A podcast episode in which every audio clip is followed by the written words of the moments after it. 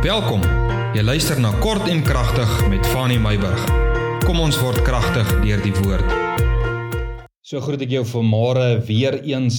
Ja, dit is ons ehm um, vierde laaste kort en kragtig vir hierdie jaar en uh, daarmee wil ek ook vir jou sê dat ons maak Sondag gaan ek my laaste diens uitsaai en dan van Maandag af vat ons so 'n bietjie af en ons begin weer die 15de Januarie weer met die kort en kragtig boodskappe. Die 14de Januarie begin ek weer met my Sondagdienste. Dit was so 'n kosbare tyd om saam met jou hierdie pad te stap met die Here waar ons die woord van die Here ondersoek het. Vanmôre wil ek 'n bietjie met jou gesels oor God, lankmoedig, maar kragtig. Naam. Weet julle waar is Naam? Dit is hier in die einde van die Ou Testament, een van die kleiner profete, Naam, hoofstuk 1 vers 2 tot 3 sê Naam. 'n Jaloerse God en 'n wreker is die Here.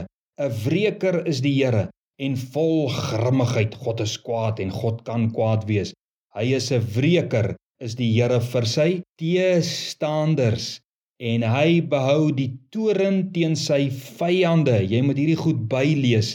God is nie kwaad vir almal en vir alles net left, right en center nie. Nee, dit gaan oor die teestanders en oor die vyande van God. Vers En hier, dis hoe ek vanmôre 'n bietjie met jou wil gesels. Die Here is lankmoedig, geduldig, soos wat ons sê, maar groot van krag en nooit laat die Here ongestraf bly nie. Sy weg is in warrelwind en in storm en wolke is die stof van sy voete. Jy weet naam beeld 'n prent van die verskriklikheid van God wanneer sy oordeele oor 'n volk of oor mense losbaars.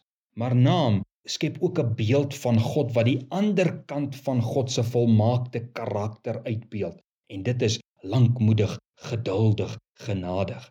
Hy sê God laat nie sy teenstanders ongestraf bly nie. Nee, maar in dieselfde asem sê hy God slaan nie blindelings sy teenstanders voordat hy nie eers lankmoedig was met hulle nie.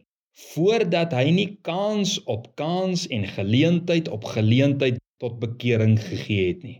Soos met Ninive, waaroor Nahum se profesie eintlik gaan. Hierdie profesie gaan eintlik teenoor Ninive. Soos met Ninive se geval. Hoeveel profete het gewaarsku en geroep dat hulle moet omdraai en bekeer?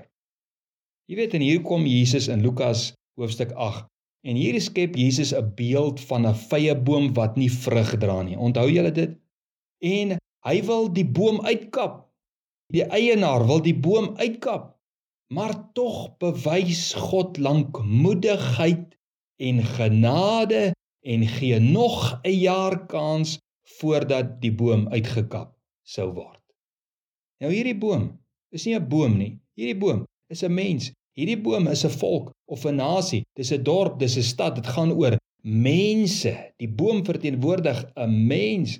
En as die mens, die volk, die nasie nie gaan vrug dra vir sy Skepper nie, word hy uitgekap. Gaan sy oordeel oor hom kom, soos wat Naam hoofstuk 1 vers 1 tot 3 van praat. Maar die boom weet, hierdie Lukas 8 boom, hierdie boom weet, soos Ninive, die jaar van God se genade gaan uitloop en as die vrug steeds ontbreek, sal die boom die wraak van God beleef. Dis onvermydelik. Weet jy, as ek so lees, dan wonder ek ook maar net onwillekeurig hier in my hart, hoe ver het die jaar gevorder vir Suid-Afrika? Hoe ver het die jaar gevorder vir Amerika, Indië, Tansanië, Australië, Nieu-Seeland, vir Jan en San alleman? Hoe ver het die jaar gevorder? Hoeveel waarskuwings en vermaanings word uitgeroep reg oor die wêreld waar God sy stem dik maak en sy geduld beproef word. En jy weet, genade loop uit soos die dae en die maande van die jaar. Dit is Desember vir die wêreld vandag. Die nuwe jaar lê voor die deur. En weet jy wat wil ek sê? Dit het tyd geword dat ons sal bot en vrug dra volgens die geduldigheid wat God aan ons toebedeel het seën tot ons môre verder gesels.